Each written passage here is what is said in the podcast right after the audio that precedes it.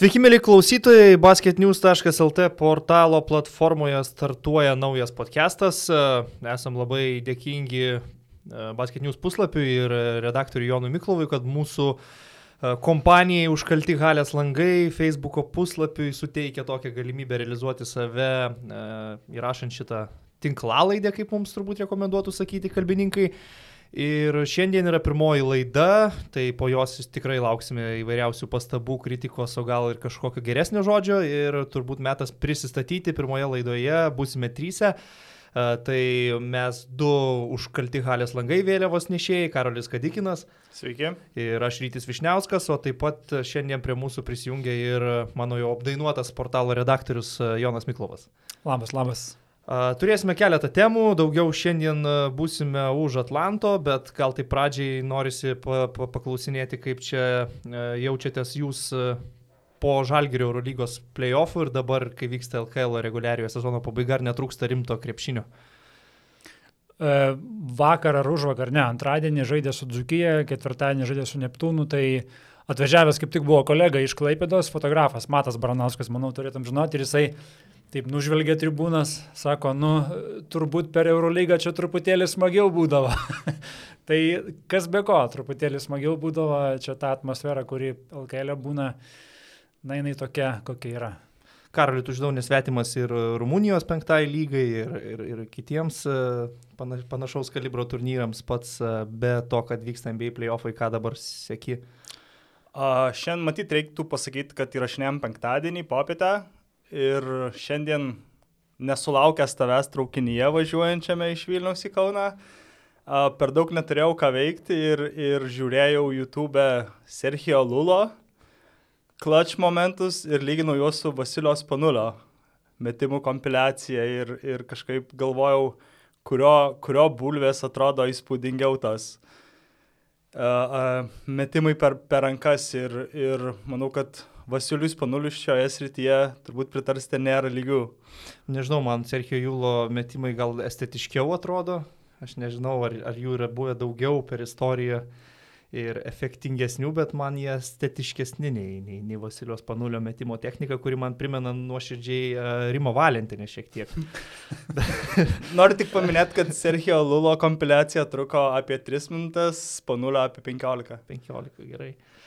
Vienas buvo Houstono Rockets ar ne, kitas kol kas dar nebuvo, bet kažkokios yra kalbos, kad gali būti. Tai Houstono Rockets irgi paliesim, tikrai pakalbėsim apie tai, bet uh, iš pat pradžių norisi pakalbėti apie mūsų žiniasklaidoje neseniai irgi aptartą dalyką ir manau, kad daug kas tą temą galbūt diskutavo ir kalbėjo, tai yra Šarūnas Jasikevičius ir jo perspektyvos galimos ateityje, nebūtinai kitame sezone, tačiau apskritai uh, Dirbti NBA lygoje, dirbti vyriausiojo trenerio darbą, pas, pas, pastaruoju metu ta informacija yra apie jo susitikimus su Teišonu Princu, su Memphis Grizzlies organizacijos susidomėjimu. Jonai, tu visą sezoną vis tiek esi šalia Žalgirio ir būni visose Jasikevičiaus spaudos konferencijose, gal ir šiaip yra tekę su juo bendrauti. Pats kaip įsivaizduotum, uh, Šarūną Jasikevičių NBA lygoje, ką jis savyje galų galę turėtų pakeisti, nes akivaizdu, kad treneris Eurolygoje ir treneris NBA yra, na, gan skirtingas e, profilis. Aš taip, čia labiau galbūt mano nuomonė, mano toks įspėjimas, mano įstikinimas, kad jam dar eiti į NBA turbūt būtų anksti. E, kaip vyriausiam treneriui, kaip asistentui turbūt būtų galima drąsiai eiti, turbūt atsirastų komanda, kuri tikrai priglaustų jį, Bet čia yra klausimas, ar jisai pats jau nori pabuvęs tik tai kelis metus vyriausių trenerių, ar jisai vėl nori nusileisti kito asistento, kur realiai tu tik tai iš šono stebi viską ir pats to balso per rungtynės nelabai turi, galbūt turi tarp rungtynių kažkiek, bet aš manau, kad tai yra vienas dalykas, kad į vieną poziciją jisai dar vis negali pretenduoti, į kitą poziciją jisai dar pats nenori eiti. Tai aš manau, kad artimiausių metų, na, šiemet ar už metų gal dar to šuolio nebus, Bet tai, kad tas dėmesys vyksta, aš manau, tas dėmesys jisai yra toksai visų pirma tam, kad užmėgstų ryšius tos NBA komandos su jaunu treneriu, kuris ateityje galimai galės kandidatuoti į, į tas komandas ir manau, kad NBA yra labai svarbu tos pažintys, tie ryšiai. Dėl to mes matom, kad čia tas pastišonas princas, jisai važiuoja per pusę pasaulio, kad susitiktų su Jasikevičiam, pasikalbėtų. Tai aš taip manau, kad tos pažintis yra mesgamos ateičiai. Niekas, galbūt kažkiek yra galvojama apie mažą potencialią galimybę dėl šių metų, bet turbūt aš taip įsivaizduoju, kad yra labiau galvojama, kad tai gali praversti už dviejų metų, už trijų metų tos pažintis, kurios jau dabar būtų užmesgamos. Jokia paslaptis, kad e, praėjusiais metais buvo pokalbiai su Toronto Raptors organizacija dėl pagrindinio Niko Narso asistento pozicijos, e, kuri galiausiai atiteko kitam europiečiui Sergio Skariolo. Karoli, žinau, kad turi padaręs tokią analizę apie NBA trenerius ir jų Taip. prieš istoriją iki tampant NBA vyriausiais treneriais. Ir čia pritarčiau Jonui, kad e, Šarui patirties, kaip mes galime matyti, lyg ir netrūksta. Jis nors trenerių dirba tik keturis metus, bet mano nuomonė, kad jisai treniruoja arba yra tame vaidmenyje jau kokius dešimt metų, nes jis tik tai grįžęs iš NBA, nuėjo į Pantinaikosą ir jis jau iš esmės buvo žaidžiantis treneris, dešinė Želko ranka Panatinaikose. O tą analizę, kurią dariau, tai e, tiesiog patikrinau iš praeito sezono buvusių NBA komandų trenerių, kiek iš jų pradėjo e, savo karjerą NBA klubuose iškart nuo aukščiausių pareigų, e, iškart nuo head coacho ir tai buvo tik tai du treneriai. Tai buvo Steve'as Keras, kuris niekada nedirbęs asistentų, buvo žaidėjas 10-15 metų. Komentatorius. To, taip, ir vėliau e, ne, kelis metus galbūt tiesiog e, kažką prie krepšinio. O Keras nebuvo dar džiemas Phoenix'e kurį laiką? Ar jisai tapo treneriu po, tai prieš džiemą? Nes jis vienu metu buvo ir Phoenix'e džiemas. Taip, jis, jis yra dirbęs Phoenix'o Suns ja. organizacijai, bet uh, Džiemas, aišku, mes turėtumėm tai priskirti kaip uh, vienas rimčiausių darbų NBA organizacijų, bet vis tiek kitoks nei trenerio ar, ar trenerio štabo asistento, tai nežinau, ar atitinka šitą kriterijų. Aš e, rėmiausi Wikipedijos uh, duomenimis klasiškai ir uh, tai va, tai pirmas treneris buvo Steve'as Keras, antras Doc Rivers kuris irgi žaidęs tiek NBA rinktinėse, tiek uh, pačiame NBA. Uh, 10-15 metų ir toje virtuvėje jie sukosi labai ilgai, todėl galbūt ir nieko keisto, kad jis uh, net ir be didelės patirties treniruojant, iškart po žaidėjo, po kelių metų uh, keliasi tren, treniruoti į, į, į vyriausią trenerio poziciją. Jo, Steve'as Keras buvo, aš dabar paguglinau, nuo 7 iki 10 metų jis buvo Phoenix'o džemas. Uh, Tada tai treji metai kažkiek apsitrinto į virtuvį, turbūt nu, vis tiek bendrauji su žaidėjais, matai tą visą... Nors kita vertus, ką jam bendrauti, jisai puikiai tai visą tai žinojo dar iš, iš, iš savo žaidimo laikų. Tai manau, kad vis tiek tai yra nu, kitokia situacija, nei kad būtų europiečiui ateiti iš Europos, kur vis tiek Styva Kera, na, žinote, tie patys krepšininkai, ar ne, kad ir jauni galbūt nebūtinai matė, kaip jisai žaidė, bet vis tiek tai yra vienai matoma pavardė, nei kad čia atvažiuoja bičias iš Europos, kur daugumai tai būtų na, naunėjimas. Nu, tiesiog matytų, kad e, galbūt pasigūglinę, kad žaidė kažkada Pacers, nieko ten rimto nepadarė, dar trumpai pabuvo Warriors ir daugiau. Jam dar svarbu yra NCAA tas backgroundas. Tai mm. Tai NCAA Marylande Šaras buvo pas gerą trenerį, dabar neprisiminsiu pavardės, bet uh, kiek teko pernai matyti, tai daug kur būdavo akcentuojama, kad Šaras būtent e, žaidė pas tą trenerį. Ir jiems tai yra vos nedidesnis privalumas nei ten dabartinė karjera Eurolygoje, nes jie vertina tai, kas pas juos Amerikoje. Čia aš turiu tokią mintį, dėl ko man atrodo, netolimoje ateityje mes matysime vis daugiau europiečių NBA trenerių, gal iš pradžių asistentų, bet anksčiau ir vėliau, man atrodo, bus pralaužti ledai ir vyriausiojo trenerio kėdėje dėl to, kad Amerikos treneriams vis patogiau yra tiesiog būti NCA ir nelysti NBA lygą. NCA treneris yra praktiškai viešpats. Uh, jis vadovauja, jis turi savo žaidėjus, jis jiems e, dalina nurodymus, žaidėjai neuždirba nieko, treneris turi milijoninį kontraktą ir jis yra pagrindinė figūra, aplink kurią viskas sukasi NBA lygoje, tai yra žaidėjų lyga ir trenerių pakeisti, kaip mes matom, nėra jokių problemų, tie kontraktai nedaug ką reiškia ir tokių grinai trenerio komandų yra vos, vos kelios. Tai jeigu turi gerą kontraktą NCA, man atrodo, kad pervilioti tave į NBA lygą yra labai sudėtinga ir tai tampa vis, vis ryškesnių tokių dėsnių Junktinėse Amerikos valstijose. O, o grįžtant prie Steve'o Kero, tai dar aišku reiktų paminėti, į kurią komandą jisai nuėjo ir kiek jam ten reikia treniruoti Golden State'ą kaip uh, Lavaras Bolas juokavo, kad uh, ten jis net ir, net ir jis pats galėtų treniruoti ir turbūt baigtis viso čempionato nelabai pasikeistų. Man atrodo, mes čia tada po truputį ir prieinam prie tokio kito aspekto Šarūno Įsikevičiaus galimo darbo NBA lygoje, nes na, darbų NBA lygoje vyriausiai trenerių gali būti įvairių, ar ne? Tu gali gauti į rankas projektą klubo, kuris daro tą rebuildingą vadinamą ir galbūt sezoną aukoja dėl naujokų biržų šaukimo gali gauti, tarkim, kaip Nikas Narsas pirmą savo vyriausiojo trenerio darbą jau komandoje, kuri šiam sezonui grinai sulibdyta tam, kad nueitų iki finalo. Tai yra, man atrodo, du labai skirtingi dalykai. Ir mes žinom, koks yra Šarūnas Isikevičius e, Eurolygoje, treniruodamas Kauno Žalgirį, tai yra jo ambicijos net ir su Kauno Žalgiriu veda prie aukščiausių pozicijų Eurolygoje. Bet dirbdamas čia jis turi instrumentų komplektuoti komandą taip, kaip jis įsivaizduoja, turėti atsirinkti tos žaidėjus, kurie jam tinka, kurie jam netinka ir, na, grinai kurti žaidimo sistemą, pagal kurią jo tie žaidėjai dirbtų. Tai NBA lygoje, man atrodo, viskas veikia šiek tiek kitaip ir man įdomu, ar Šaras e, adaptuotųsi prie to, na, visiškai kito krepšinio pasaulio. Aš sakyčiau vis tiek, kažkiek tas NBA krepšinis jisai europėja. Man labai patiko dabartinis Bruklino Nets pavyzdys kaip jie per kelis metus iš visiško dugno, atsidūrė, kuriam atsidūrė po tų mainų dėl Garneto ir Pirso, kurie atidavė savo ateitį praktiškai.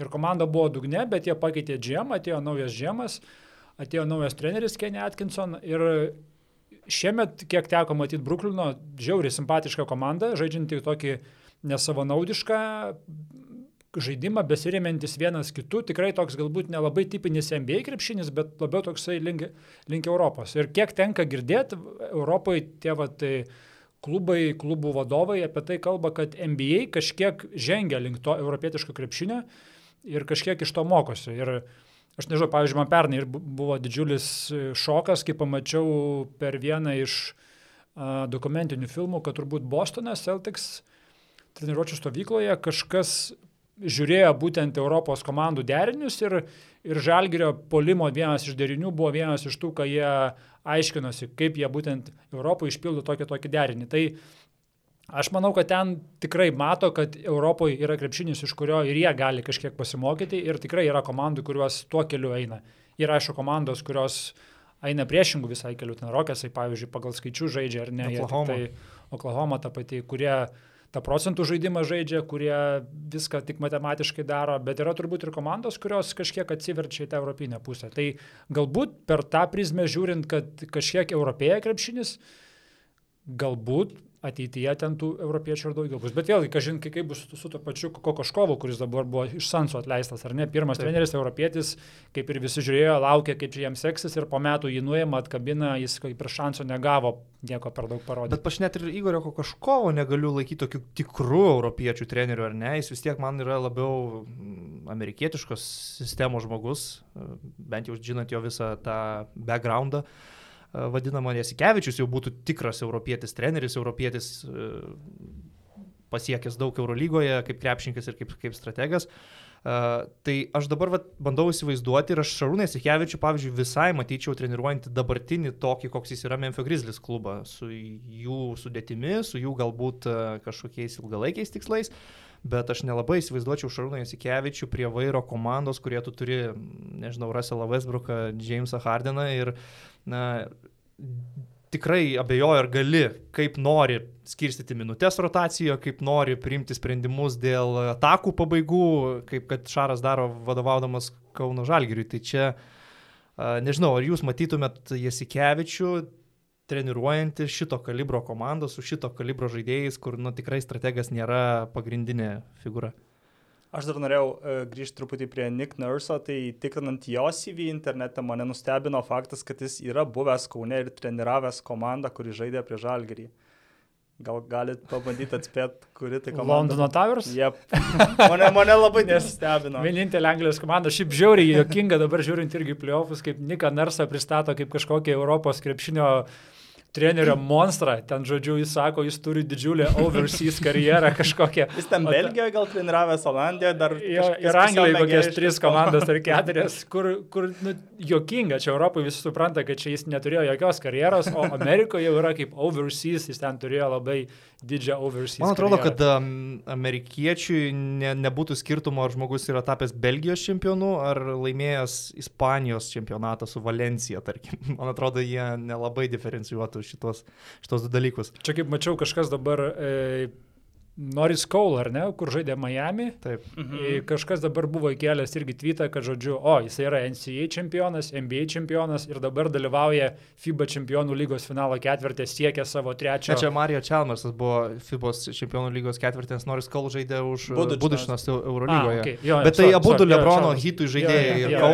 ir, ir teisingai. Taip, tai uh, grįžtant prie Sikevičiaus ir to, tos, tos mano išvalgos galbūt dėl, dėl žaidėjų lygos ir dėl to, kad a, vis tiek didžioji dalyje organizacijų, net jeigu ir paimsime tą patį Golden State, kuris giriamas už savo kamolių judėjimą ir Steve'as Keras už tai yra dažnai liaupsinamas ir komanda tikrai žaidžia komandiškai, sugeba kažkur pasiaukoti tie krepšininkai, bet tai vis tiek yra žaidėjų, ne trenerio komanda.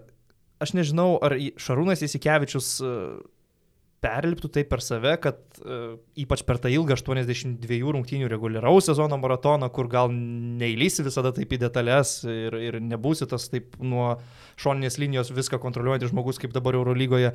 Aš nežinau, kiek jis uh, norėtų tai daryti ir kiek sugebėtų pasikeisti.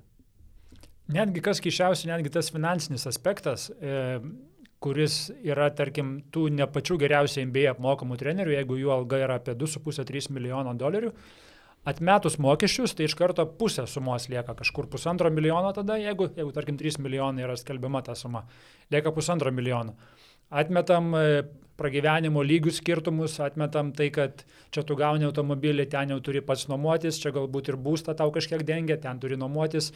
Vaikams mokyklos vėlgi čia kainuoja tikrai centus palyginus su tuo, kas kainuoja užsienyje geros vaikų mokyklos. Ir kai atmeti tai ir privedi tai, kad Žalgirė Šaras gauna apie 800 tūkstančių eurų Ir gyvena Kaune, kur ir truputį vis Yra tiek gyvena pi- pigiau gyventi. Pats, taip, pragyvenimo lygis visai kitas. Ir tai gaunasi, kad praktiškai tie patys pinigai, kad ir kaip jokingai skambėtų, bet NBA vyriausio trenerio pareigos mokėtų atmetus visus tuos, ką išvardėjau, mokėtų labai panašius pinigus, ką jis uždirbinėjo Kaune. Karoli, žinau, mes su tavimi esam kalbėję dėl tų pavyzdžių, kaip, na, tarkim, žaidėjo kontraktas yra keistokų tokių sąlygų, kai jo atlyginimas gali priklausyti e, ten keli šimtai tūkstančių dolerių nuo jo tritaškių pataikymo procento Taip, dėl to aš, sezono pabaigoje. Čia- Kaip Šarą tu įsivaizduoji susitaikantis su tokiais dalykais? aš visada dėl Šaro NBA žiūrėjau visą šitą situaciją pesimistiškai. Man atrodo, kad tai būtų per didelis jo pasikeitimas. Aš jo NBA lygoje nematau, nes tai kaip jis dabar... Nes Žalgeris iš esmės dabar sužė tiek pat rungtynių, kiek, tarkim, Memphis. Po 87, 8, 82, 84, maždaug tas pats skaičius. Ir Jasikevičius dabar prie atsarginių suolelio po kiekvienos žalgerio, nu ne po kiekvienos, bet po žalgerio klaidos, po nesubaudavimo, po bonuso, prieš bonusą, a, po neapgalvoto sprendimo puolime, jis iš esmės užsidega savyje, jis pradeda, nežinau, skaičiuotis. Aš NBA ne tik jo, bet ir jokio trenerio taip besielgiančio, karštai reaguojančio į kiekvieną situaciją, galbūt žingsnių nesušvilpimo priešininkam. Aš tokio trenerio ten nematau. O e, taip pat labai svarbi NBA žaidėjų e, žaidimo dalis yra statistika. Kai kurių, kaip ir pats rytis sakei, a, kai kurių žaidėjų net didelė arba maža kontrakto dalis e, gaunami pinigai priklauso nuo to, nes kaip patikrinau prieš e, mūsų tinklalaidą, praėjusį sezoną e, Portlando Trail Blazers žaidėjo Maurice Harkless atlyginimas priklausė maždaug apie pusę milijono, priklausė nuo to, ar jisai mes tritaškius 35 procentais ar ne. Ir likus trim rungtynėm jis tritaškius metė 35,1 procento. Ir paskutinės tris rungtynės nebemetė metimų, nes rizikuoja pusę milijono. Arba šį sezoną, e, gal prieš paskutinėse rungtynėse, Klėjus pasiprašė Kero įleidžiamas į aikštę ten mm, blowoutinėse rungtynėse man atrodo, prieš Jutą, nes jam trūko keturių taškų, kad e, vidurkintų visam sezonui 20 lygiai. Ir nuo to irgi priklauso jo kontrakto dalis. Aš nežinau, kaip į visą šitą situaciją žiūrėtų Jasikevičius. Bet man atrodo, kad Šarūnas Isikevičius e, labai gerai žino, pažįsta ir pripažįsta amerikietiško sporto kultūrą ir Aš pavyzdžiui visai įsivaizduoju, kad jisai galėtų na, būti kitoks, atsisakyti kai kurių dalykų, kuriuos jis daro dirbdamas Eurolygoje su Kauno Žalgiriu. Ir dar kitas momentas, dėl ko aš manau, jeigu jau tikrai būtų garantuota galimybė paimti tą vyriausio trenerių MBA kėdę, dėl ko neverta jos būtų atsisakyti, Jasikevičiui, net ir tuo atveju, jei tau nepasiseks, ne, nepritapsi ten, netiksi ten, tave atleis arba neįgyvendinsi kažkokių tai tikslų, į Eurolygą sugrįžti jam niekada nebus problema. Gerai, NBA, jeigu nepavyks vieną kartą, greičiausiai tau kaip europiečių antro šanso jau ten nebeduotų, bet į Eurolygą sugrįžti jam niekada nebus problema. Tai man atrodo, ir pats Šaras yra pasakęs, tikslios citatos gal nesuformuluosiu, bet jis kalbėjo, kad jeigu krepšininkui arba treneriui yra galimybė pabandyti NBA lygą, jis būtinai turi tai daryti, nes tai yra pats aukščiausias lygis. Kažkokia panaši, man atrodo, yra buvus, ar ne citata? Ir pats Šaras po pernai metų, po to susitikimo su Raptors, su Masai Užyriai, ten ne, ne tik jisai, ten buvo atvažiavęs visas Raptors vadovų štabas ir jisai po to pokalbio sakė, kad tai buvo nereali patirtis, nes kalbėjomės su tokiais žmonėm ir tokiom temom, kuriuom tu šiaip nesikalbi, nes tai buvo labai jam palikęs įspūdį pokalbis, kaip tu giliai gali apie krepšinį kalbėtis. Tai aš manau, jisai vis tiek supranta, kad NBA Tai yra aukščiausias lygis bet kuriuo atveju. Vadovai yra lygiai taip pat mąstantis turbūt plačiau ir giliau ir matantis žymiai visko daugiau. Ir jam, jam tas paliko įspūdį. Tai manau, kad jam kaip tokiam tikrai, kiek, kiek turbūt mes žinom, kad jisai tikrai jaučia tą krepšinį kur kas geriau už, už daugelį trenerių Europoje, turbūt net nekalbant apie vadovus, kurie kartais nelabai gaudosi. Jam turbūt irgi tas toks noras dirbti su žmonėmis, kurie ypatingai gerai supranta krepšinį, jam turbūt tai labai viliotų. Čia ko gero veikia tas e, faktorius, ar ne, kad Šarūnai Sikevičių iš Eurolygos klubų galinčių prisivilioti organizacijų turbūt užtenka vienos rankos pirštų ir visų nesunaudosi, žinant, kaip dirba kai kurie klubai, kad ir su dideliais biudžetais. E, ir nekarta pats yra sakęs, kad Kauno Žalgiris yra net viena geriausių vietų dirbti Europoje pagal tai, ką treneris gauna čia. Uh, Aš, pavyzdžiui, neįsivaizduoju, ką dabar gali galvoti Graikijos klubų treneriai. Rygas Pitino, Davidas Blatas, ta prasme, kur teisėjams mėtomi Molotovo kokteiliai, kur ten tu net nežinai, kilintą tu vietą Graikijos lygių užimi pirmą, trečią, atims tuos taškus, tu žaisi, nežaisi. Man iš viso varžovai net važiuos ir rungti. Ta prasme. Nu, Blatas gal pripratęs, bet to, nes ne pirmi metai, bet Pitino manau, kad jo, turėtų būti. Bet man Davido Blato šitas, e, visi tie karjeros posūkiai jo po to, kai jis išvažiavo į NBA lygą, yra, nežinau, man jis labai imponuojantis treneris ir atrodo, kad žmogui žiauriai nesiseka. Uh, Praktiškai galim turbūt sakyti ir patikėti to, kad Lebronas Džeimsas atleido Davidą Blatą. Tada jis atvažiavo į tikrai ambicingą Stambulo Darušafakos projektą, kuris e, ambicijų ir finansų turėjo vienam sezonui, bet jis liko antram sezonui ir su, na, realiai neįspūdinga sudėtimi ir su viena Eurolygos kalibro žvaigždute laimėjo Europos taurės turnyrą. Uh, Tada pasirašė su Pirėjo Olimpijakos, su, su dideliu klubu ir dabar turi tokius metus Pirėjo Olimpijakose. Tai kaip klostosi Blato karjera po Klyvino Cavaliers, man atrodo, kad žmogui dėl kažkokių tai priežasčių baisiai, baisiai nesiseka. Bet jam turbūt Cavalieriai iki šiol atlyginimą moka, ne? Jis turėjo penkių metų kontraktą. Nebūtų tikrai pirmas kartas. Jis tikrai turėjo ilgalaikį kontraktą. Taip, taip, taip, jo kontraktas tai, buvo ilgas ir iš tikrųjų jį, kai atleido uh, Čia va dar vienas dalykas NBA trenerių virtuvės, kad neįmanoma sakyti, kad jį atleido dėl blogų rezultatų, pergalių ir pralaimėjimų. E, nes Tailų turėjo dar blogesnį. Taip, nes, nes, nes Tyronas Lū kitą sezoną toj pačioj stadijoje, kaip atleistas Blatas, turėjo dar prastesnį balansą pergalių pralaimėjimų, bet jo kėdė niekiek nesviravo. Tai čia irgi yra momentas, kad uh, Europoje mes įpratę, trenerius atleidžia po pralaimėjimų serijų, po neįgyvendintų tikslų, pralaimėtų finalų ir, ir panašiai.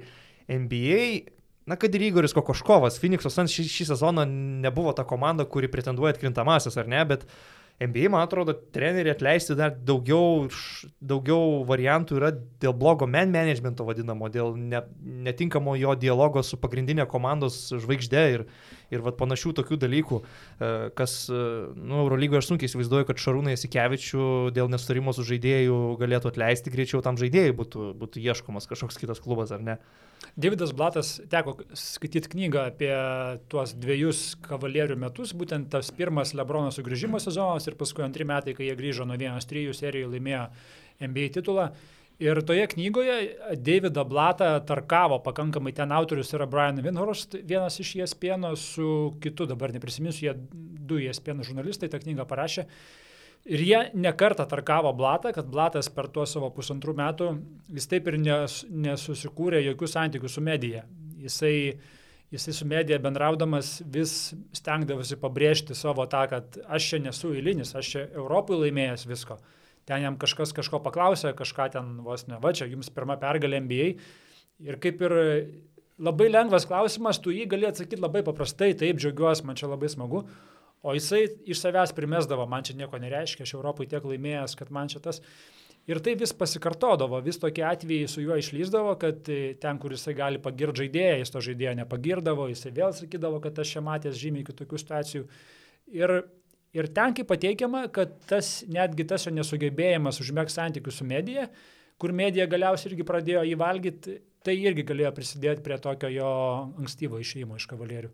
Mes tada matom, kaip e, Rikas Pitino, pavyzdžiui, stebino Europos mediją, kur turbūt Junktinėse valstijose tokios jo spaudos konferencijos su uh, nemažai spūdingų frazių, citatų ir prisiminimų iš ten uh, Bostono Celtics Bostono laikų. Celtics laikų.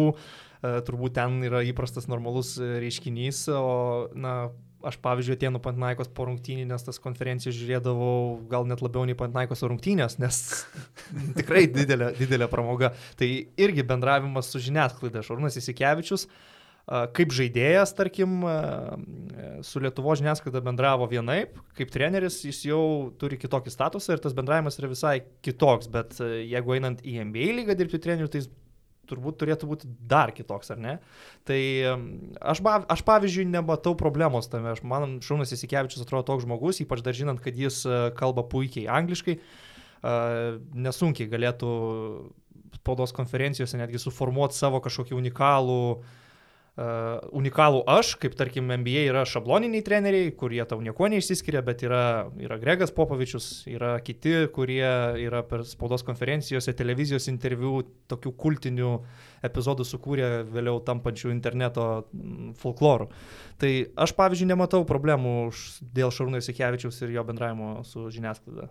Aš manau ypatingai tai, kad jo anglų kalba iš tikrųjų yra tokia, turbūt, kad e, Fluent. viena geriausių iš europiečių trenerių, turbūt, kas, kas gali pasiūlyti. Net kartais atrodo, kad jam angliškai lengviau išreikšti mintis negu lietuviškai. Jis, jis neieško, neieško žodžių, labai natūralūs yra jo sakiniai. Aš palyginti galiu jį su to pačiu Sergijos Kariolo, kuris dabar asistuoja Nikui Narsui ir būdamas pagrindiniu asistentu kartais uh, tuos televizinius interviu prieš trečią kelinuką ar prieš antrą kelinuką jis daro. Tai mm, jam kalbant ne, nesijaučia labai sklandi ta aiški anglų kalba ir taip atrodo, kad na, žmonės iš MBA gali žiūrėti kreivokai į tokius kapotas sakinių struktūras, kai Šarūnas Įsikevičius už tuo tikrai neturi jokių problemų.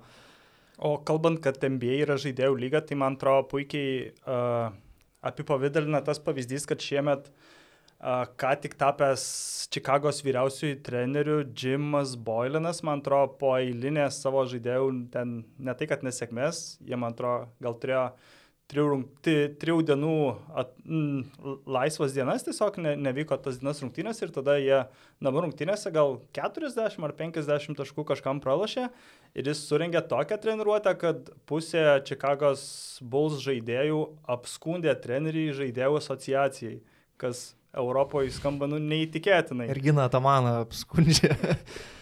3-3,5 valandos treniruotę su, surinkai ir, ir gauni skundą dėl to. Tai va čia man yra tas klausimas žaidėjų kontrolės, kur tu Europoje vienaip kontroliuoji žaidėjus, NBA lygoje gal net kartai žaidėjai tave labiau kontroliuoja ir labiau patys žaidėjai lemia, kokia bus tavo rotacija, kada kas įeis į rungtynės. Čia dar vienas beje man įdomus momentas, nes uh, Eurolygoje Jasikevičius e, turi, aišku, visada planą numatytą rungtynėms, bet jeigu kažkas nesiklosto, jis gali išimti Brendoną Davisą ar kitą krepšininką, kuris jam ten nepasiteisino ir jį pakeisti, kai NBA beveik visada rotacija vyksta uh, aiškiai suplanuota, visi žino, kada kas eina į rungtynes ir yra tik tokių force, majorinių situacijų, kaip pražangos ar traumos, kai ta rotacija gali pasikeisti. Tai yra, tarkim, dabar uh, Golden State Warriors žaidžiant atkrintamasias, jų 11-12 rosterio žaidėjas sėdi ir jis žino, kad jis į rungtynės tiesiog neįeis, o kiti, kurie bus rotacijai, žino, kad jais, tarkim, pirmo kėlinio penktą minutę ir sužais 3 minutės, paskui dar jais trečio kėlinio ketvirtą minutę ir sužais 3 minutės. Uh, man asmeniškai nesinori tikėti, kad Šūnas Isikevičius labai primtinai žiūrėtų į tokią, tokį darbo principą su, su žaidėjų rotacija. Kita vertus, tai kažkiek irgi keičiasi ir teko skaityti ne vieną tokį atsiliepimą, kad e, stebėdami Raptors rotacijas šiemet su Niku Narsu apžvalgininkai stebėdavosi, o kad jisai maždaug jisai turi skirtingus starto penketus, jisai taikosi prie varžovų. Dar kai GV žaidė Raptoriuose, atsiminam, kad jisai vienas startuodavo, kitas kildavo nuo suolo, į baką kartais startė, kartais jisai. Ir minėjo, tikrai ne vienas buvo apžvalgininkas, rašęs, kad o, tai, tai yra kažkas naujo, kad maždaug treneris e, kiekvienom rungtynėm turi savo viziją, kas startuoja, su vienais žaidėjais daugiau žaidžia vienose, su kitais kitose. Ir galbūt tai kažkiek irgi rodo tokį besikeičiantį tų trenerių požiūrį. Aišku, čia dar tik tai vienas pavyzdys, bet galbūt su laiku tai ateis, kad, kad ne, nebėra tai viskas stabilus starto penketas visiems metam yra ir jisai nekinta. Galbūt kažkiek tas dalykas irgi vat, su šito pasikeitimu ateina.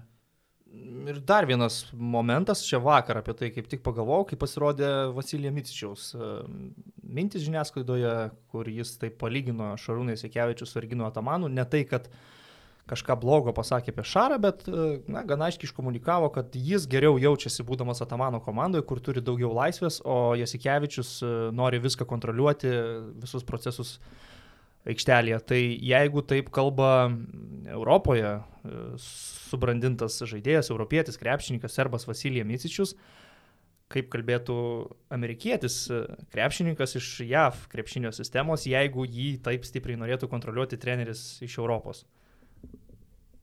Aš dar norėjau įterpti dar vieną įdomų faktą, kurį radau besiruoždamas podcastui, tai kad uh, dabartinis Jutos jazz treneris uh, Quinn Snyder yra dirbęs CSK komandoje kas man atrodė. Asistentas buvo. Jis, jo, aš ja, ja, ja. Niek, niekaip to net gaminau. Jis turbūt ir... net Mesinos asistentas. Man buvo, atrodo, kad Mesinos ja. taip tuo metu. Bet ja, kažkaip ja. niekada nebuvau nieko apie tai girdėjęs ir kažkaip labai keistai atrodė. Snyderis vienas iš tų, kuris turi tokį europinį backgroundą ir jis dėl to irgi ten buvo gerbiamas. Ir galbūt irgi vat, yra dar vienas iš tokių sėkmės pavyzdžių, tokių sėkmingų, kur mato NBA klubai, kad žmogus atvažiavęs iš Europos, Europai padirbėjęs, jisai NBA pristaiko. Galbūt tai yra irgi vienas iš tų, kuris skatina tuos džemus žiūrėti plačiau ir ieškoti kažkur toliau.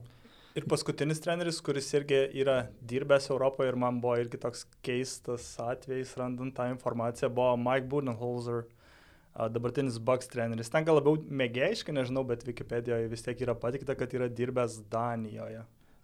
Yra tų tokių trenerių ir didesnio profilio. Yra Džordžas Karlas su Madrido Realo klubu laimėjęs titulų. Po to... Dabar jau retire, nes... Dabar jis jau yra baigęs karjerą, bet paskui jisai, na, buvo tapęs tokiu vos negregų Popovičiumi Denverio Nagės organizacijos kuriam, kuriam laikui. Tai yra ir tų amerikiečių, yra priešinga kryptimi atvažiuojančių trenerių, asistentų, dabar nežinau, ar po Riko Pitino pavyzdžio gal bus ir vyriausiųjų trenerių iš Junktinių Amerikos valstijų, nors aš pavyzdžiui Pitino labai skeptiškai žiūrėjau, kai jis atvažiavo. Labai skeptiškai žiūrėjau po rungtynių Kaune, kur man nebuvo aišku, ką žaidžia Panatinaikosas ir kas tai per komandą ir ką jie gali, bet paskui jie pradėjo rinkti pergalės ir paskui patys žaidėjai pradėjo kalbėti, kad uh, daug naujų dalykų išmoko, sužinojo, gera patirtis jiems.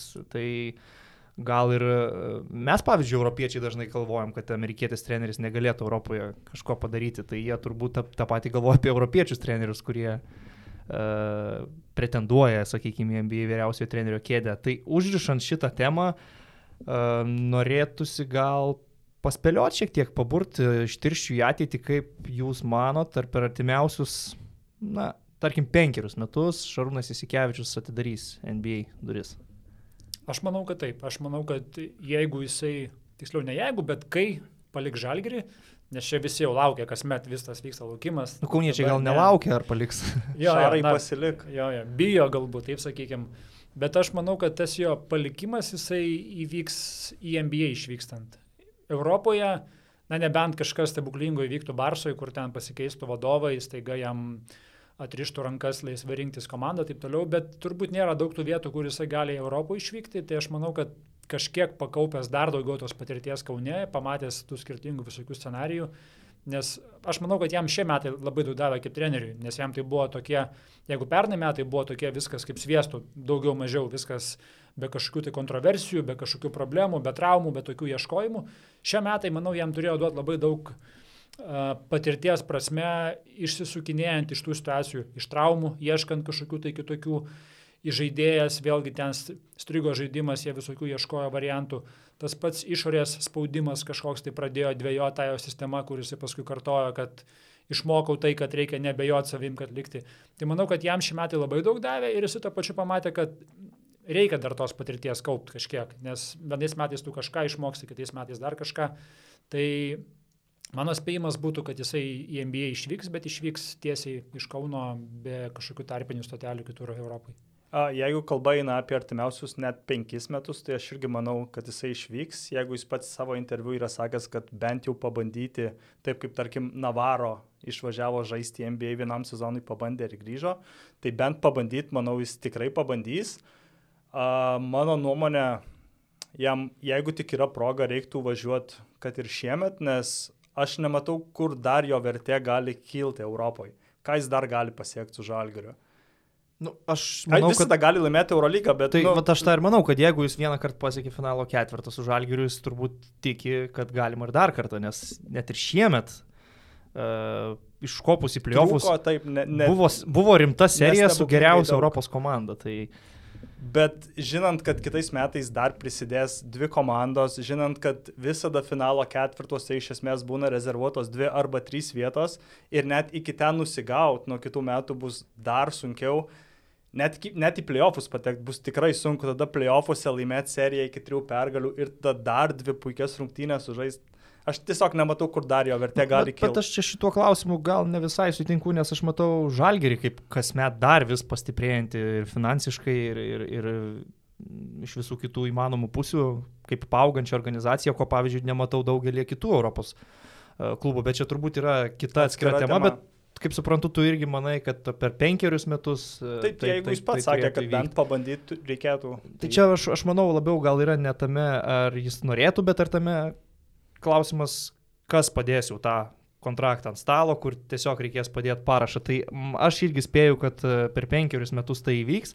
Aš kaip ir sakiau, apskritai gan uh, esu optimistiškas dėl europiečių trenerių uh, NBA lygoje ir kad tie ledai bus pralaužti kadaise turbūt į žaidėjus iš Europos e, jungtinėse valstijose žiūrėjo dar vis kaip į kažkokius ateivius iš kitur, bet užteko kelių pavyzdžių, kad požiūris, kad požiūris pasikeistų. Pablo Prikion. nu, gal netokių, bet, bet kad ir šitie krepšininkai nebuvo patys blogiausi. Uh, bet tai, kad jie atvažiavo ir buvo pakviesti, jiem kiti žaidėjai prieš tai atidarė duris, man atrodo, tokiem perimam. Tai taip, man atrodo, ir su treneriais anksčiau ir vėliau tas procesas įvyks. E, tai ką, gal apie Šarūną Jasikevičių ir jo ateities prognozijas būtų tiek, aš manau, kad e, reikėtų paklibinti MB atkrintamasis varžybas, ten vyksta daug įdomių dalykų. Jau aišku, kad turėsime dvi konferencijos pusfinalio serijas su septyniomis rungtynėmis ir bent jau aš esu įsitikinęs, kad turėsim ir trečią. Šią naktį Houstone Rockets žais su Golden State'u, kaip žinia, Golden State'as be Kevino Duranto. Uh, didelis šansas Rocketsam, bet e, manau, kad taip serija po serijos e, kiekvienai skirkim truputėlį dėmesio ir pradėti norėčiau nuo to serijos, kurie užsidarė. Milwaukee Bucks, reguliariojo sezono laimėtojai, su ko gero MVP Janio Antitokumpo, 4-1 sutvarkė Bostoną. Ne tai, kad pats rezultatas kažkuo labai netikėtas, bet Bostonas buvo laimėjęs pirmas serijos rungtynės Milwaukee'e. Tuo metu atrodė, kad irgi yra iš tų įdomiųjų serijų, kur gali tęstis iki pat 7 metų. Tuo metu rungtynių. Polas Pirsas pasakė, kad viskas. Taip, Milvokis, autas, autas, viskas. Tuo labiau. E, bet e, po to ketverios rungtynės, kuriuose Janis dominavo, Baksai buvo puikus, o Kairi Irvingas tapo diskusijų objektu iš pačios blogiausios e, pusės ir mažai kas abejoja, kad jis sužaidė paskutinę savo rungtynės už Boston Celtics komandą.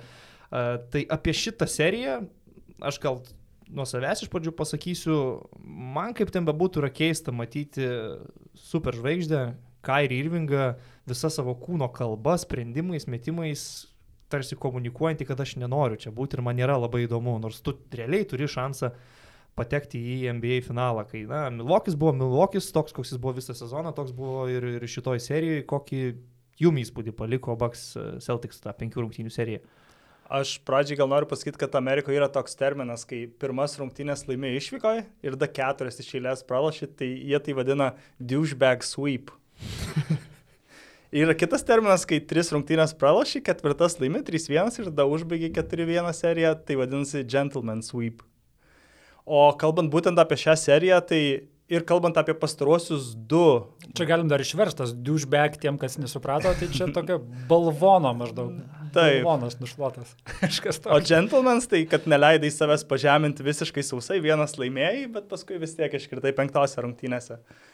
Tai kalbant apie Bostoną, Aš buvau vienas iš tų, kaip Polas Pirsas, kurie, ku, kuriuos Bostonas visiškai išdūrė po pirmų rungtynių.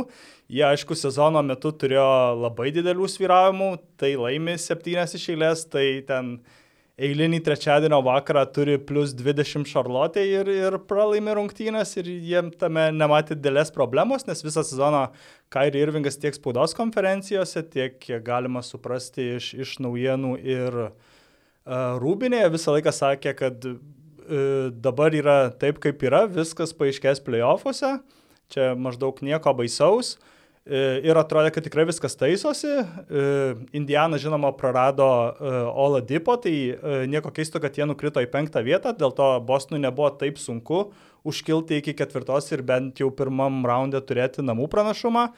Atrodo tikrai viskas gerėja, nušluotas Domanto Sabonio Pacers klubas ir pirmos rungtynėse labai dominuojančiai atrodė tiek uh, gynyba prieš Janį visų pirma, kai uh, prieš jį buvo statomi tiek uh, Horfordas, tiek Jalen Brown, uh, tiek kartais ir Jebuselė, kuris atrodė panašiau, kad uh, nori ne tiek sustabdyti Janį, kiek esant reikalui stipriai prieš jį prasižengti, kad Janis turėtų omeny, kad niekas tau lengvų taškų neduos. Bet po pirmų rungtynių, kas vyko toliau, nežinau, nelabai, ne, nelabai turiu paaiškinimą. Atrodė, kad net ir po trečių rungtynių Milvokiui pirmaujant 3-1, e, kai kurie Bostono žaidėjai jau turėjo šiam savaitgaliui Miami užsibukinę viešbutį ir jie net ir nelabai norėjo ten būti tiek toje komandoje, tiek tęsti tą sezoną. Man tai atrodo logiškas šitas rezultatas dėl esamo konteksto, nes aš žiūrėdamas į Milvokį matau vieną mega žvaigždę, aplink kurią yra sulibdyta komanda, surinkti prie jo tinkantys žaidėjai, tai yra pagrindė metikai, kur pataiko iš toli net ir vidurio polės Brukas Lopesas. Ir tie visi žaidėjai turi savo rolės, iš tų rolių per daug neišeina ir netrodo, kad kažkas savo vaidmeniu būtų nepatenkintas. Kai kitoj pusėje aš matau į žaidėją žvaigždę, kuris nežino, kokia jo ateitis, ką jis nori daryti, kur jis nori žaisti, norėjo savo komandos, gavo mainus, atėjo čia irgi neįsipaišo. Uh, matau po traumos sugrįžusi Gordoną Haywardą, į kurį būdavo, buvo dedami dideli lūkesčiai, jis galbūt žaidžia ir neblogai, bet ne taip, kaip žaidė iki traumos. Matau e, Jasoną Teitumą ir Jaileną Browną, kur turbūt iš jų dviejų reikėtų tik vieno ir kito sąskaitą stiprinti kitą poziciją. Ela Horfordą veteraną, kuris tikrai stengiasi, bet tai yra žaidėjas, kurio langas po truputėlį jau užsidaro. Tai prie tokių visų detalių, man atrodo visai logiška Milvokio pergalė. Man tik Kairi Irvingas daug apie save pasakė, kai jisai užsimanė mainų, būdamas vienoje komandai su Lebronu Jamesu.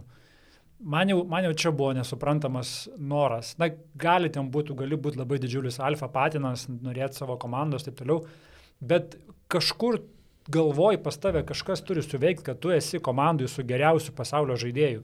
Pasigalvoju ir plokščia žemė veikia. Ir, ir, tau, ir tau ateiti galva mintis, kad tu nebenori žaisti geriausiu pasaulio žaidėju, tu nori palikti šitą komandą. Kur turi garantuotus finalus kiekvienais metais. Tikrai, tu garantuotai, na, ten galėjai įtarti, kad Lebronas paliks Clevelandą ar ne, nu, bet ten kiek, dar kiek metai buvo likę. Metai dar tuos metus tu galėjai ten pabūti, dar pabandyti tą vieną čempionų titulą paimti. O tada, na, jeigu nori savo komandos, likti Clevelandą ir turėti savo komandą. Taip, taip, taip. Uh, ir ten toks užsidegimas, man jau ten jau pasakė apie jį labai daug, kur kur man jisai nepasirodė kaip labai logiškas bičias. Taip, taip pasielgt, iškelt tokią sąlygą, kad tu nebenori su Lebronu žaisti, kad ir koks tas Lebronas, aš nežinau, gali būti reikalaujantis, uh, verkiantis dar kažkoks, bet nu, tai yra geriausias pasaulio žaidėjas ir nenorėt būti vienoje komandoje su geriausiu pasaulio žaidėju, man čia bet kurioje profesijoje. Ta prasme, jeigu tu nenori būti šalia stipriausio, geriausio, o nori kažkur išeiti, nu, tai kažkas su tavim negerai. Juo labiau man ta pati idėja turėti savo komandą skamba kažkaip keistai, nes mes matom, kad e,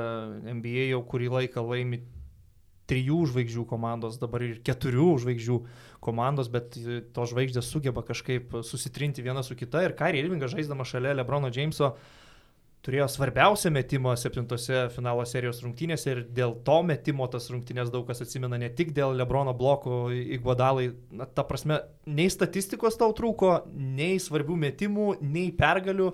Tai aš iš tikrųjų šito vietoj sutinku, kad man jau ten pasirodė, jo, kad... kad Iš tikrųjų, Lebronas yra ta žaidėjas, ta žvaigždė, kuri niekada nepagailės tau perdavimo, jeigu matys, kad tu esi geresniai pozicijoje. Tikrai buvo žvaigždžių, kurios imdavosi ant savęs nepaisydamos komandos draugų. Lebronas tikrai ne iš tų, jisai visuomet nusimesdavo tą kamuolį, kai matydavo, kad yra šansas. Tiek pernai pirmose finalo rungtynėse jisgi nemetė metimo, jis pasavo Hilui, kad, kad jisai mestų, jį aišku subaudavo, bet jis dalinosi kamuoliu.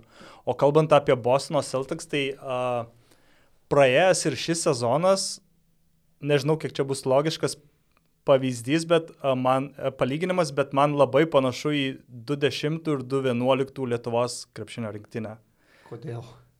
Du, nes pernai, kaip ir 20 Lietuvos e, rinktinėje, nebuvo vyresnių žaidėjų, žaidė iš esmės vien jaunimas. Žaidė laisvą krepšinį, energingą, daug dirbo gynyboje ir rezultatai buvo labai geri. E, buvo pasiektas pusfinalis. E, lygiai tas pats pernai buvo ir Bostone, irgi buvo iš esmės pasiektas NBA pusfinalis, tai yra konferencijos finalas. E, čia nesigilinsiu gal į visas krepšinio žaidimo subtilybės, aš tik norėjau pasakyti, kad man tas visas kito sezono grįžimas visų tų vyresnių žaidėjų su savo uh, ego, su savo statusu, su povandeniniam visokiam srovėm gali būti palyginamas su tuo atveju, ką mes turėjom paskui 2011 metais po uh, labai gero rezultato pasaulio čempionate. Pernai, kai Bostonas keliavo toli uh, su visom traumom, visi kalbėjo apie Bredą Stevensą. Tai buvo Bredo Stevenso komanda. Pažiūrėkite, ką šitas žmogus padarė su Markusu Smartu, Terry Rauzyru ir kitais, nueidamas iki konferencijos finalo, kur net iki pergalės truko netiek ir daug. Jo, pirmavo kurį laiką. Jie pirmavo serijoje, septintos rungtynės e, parodė, kad vis tik laimi Lebronas prieš nepatyrusius, bet e, vis tiek jie pasiekė puikų rezultatą. Dabar mažai man tenka girdėti, kad Celtics yra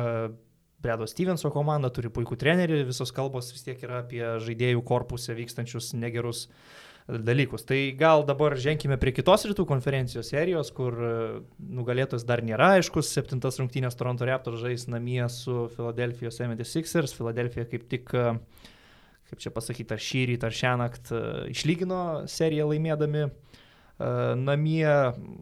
Man visa šita serija asmeniškai sukasi apie Kawhi Leonardą. Aš žinau, kad ne visi taip žiūri, ne visi taip galvoja. Benas Simonsas, Joelis Embidas. Uh, Jimmy Butleris kitoje pusėje irgi daug ką intriguoja, bet man visa šita serija yra apie Kawhi Leonardą. E, Šią naktį jis berots pelnė 27 taškus ir aš turiu kalbėti, kad jis atakavo prastai, nes įmetė 9 metimus iš 20, kas šiaip nebūtų toks blogas pataikymo procentas, bet jis per šią seriją meta 60 procentų taiklumu, e, apskritai atkrintamosiose, renka virš 30 taškų, jau smeigė tą vadinamą degerį durklą Filadelfijoje rungtynėse, kuriuose galėjo Torontui serija būti palaidota realiai, jei būtų 1-3. Tai tuo pačiu aš ir visą tai stebėdamas prisimenu, kad anksčiau šitą vaidmenį Raptors atlikinėjo Demaras Derauzanas. Ir kad ir vieniem metam Raptors gavo Kavajų, man atrodo, kad tie mainai jiems pasiteisino, nežinau, jeigu galima taip sakyti, daugiau nei 100 procentų. Aš noriu pasakyti, kad MBA yra verslas. čia pusiau juokais. Bet e, jeigu rimtai, tai čia ir yra skirtumas tarp MBA ir Europos. Europoje, jeigu tu esi, tarkim, uh, Olimpijakosas, tu vis dar patenki į Eurolygos ketvirtfinalį, kartais į finalinį ketvirtą, galbūt tu niekada nelaimi, bet tau tinka, tu, tu vis tiek gerai pasirodai. NBA komandos netaip galvoja, jos visos nori laimėti titulą. Ir net ir vieni metai uh, visiško, visiško superžvaigždės atsivežimas pas savį komandą yra verta rizika to, kad galbūt e, pasieksi tą titulą ir, ir vėliau galbūt pratesi sutartį su, su, su tuo. Arba net jei ir nepratesi. Nes šiaip jau visi drąsiai ir aiškiai kalba, kad Kawhi Leonardas Toronte bus iki šitų playoffų Jis ir pabaigos. pats taip sakė, kad Ir, ir nelabai kas galvoja, kad yra variantas, jog Kawhi pasiliktų Toronto Raptors. Nebent jie nueitų iki pat galo. Man jeigu laimėtų finalą, ar žaidimas finale pakankamas būtų argumentas, kažin.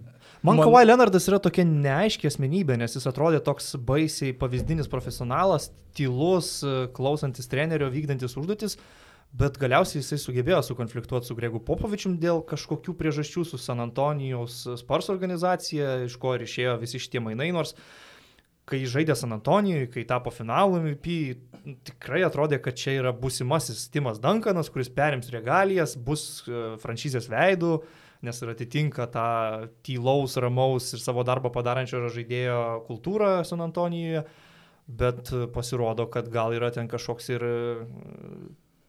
velnės viduje, kuris, kuris įsilaisvina, tai aš nežinau. Kažkoks dėdė ten yra įtakingas, ar ne? Man regis, Kavajaus dėdė yra tas, kuris sako, su kuriuo reikia derinti reikalus apie Kavajų, nes dėdė yra svarbesnis. Nu, tai jį va, patį. žinant šitos dalykus, aš nesu tikras, kad rezultatai Raptors nulemtų jo apsisprendimais, gal jau yra apsisprendęs, tiesiog e, turėkime omeny, kad Torontas, e, Kanada nėra tai, ko trokšta geriausi JAV krepšininkai ir stambaus laisvo agento Raptors praktiškai negali paimti, jie gali paimti tos e, vadinamo B sąrašo žvaigždutės kažkokias, taip ir atsidūrė ten Kailas Lauri ir, ir panašaus. arba kalibro. per draftus, bet kartais arba per net, draftus, net ir to a- arba per neužtenka. mainus, arba nes- per mainus, ar ne? Tai, žinom, buvo Vancouverio Grizzlies situacija su Steve'u Francisu. Kas, kas iš to, kad tu padraftuoji gerą žaidėją, jeigu jis sako, kad jis pas tave nežais ir mainykit, aš net nevažiuosiu pas jūs. Bet aš galvoju, ar jau tikrai čia galima kažką spręsti, kad jisai išvažiuos, jeigu Kava yra toks slaptas žmogus, jis turbūt nelabai dalyjasi savo kažkokiais tai planais. Manau, kad čia labiau, labiau yra kažkieno spėlionės, kažkieno galbūt noras, kad jisai į tą patį Los Andželą eitų. Nežinom, kad labai nemažai medijos Amerikoje yra iš Los Andželo, kurie turbūt norėtų matyti tokį žmogų Los Andželė. Tai man tai čia atrodo, kad kai toksai žmogus, apie kurį nieks nieko nežino ir kažkas nusprendžia, kad jisai jau tikrai out.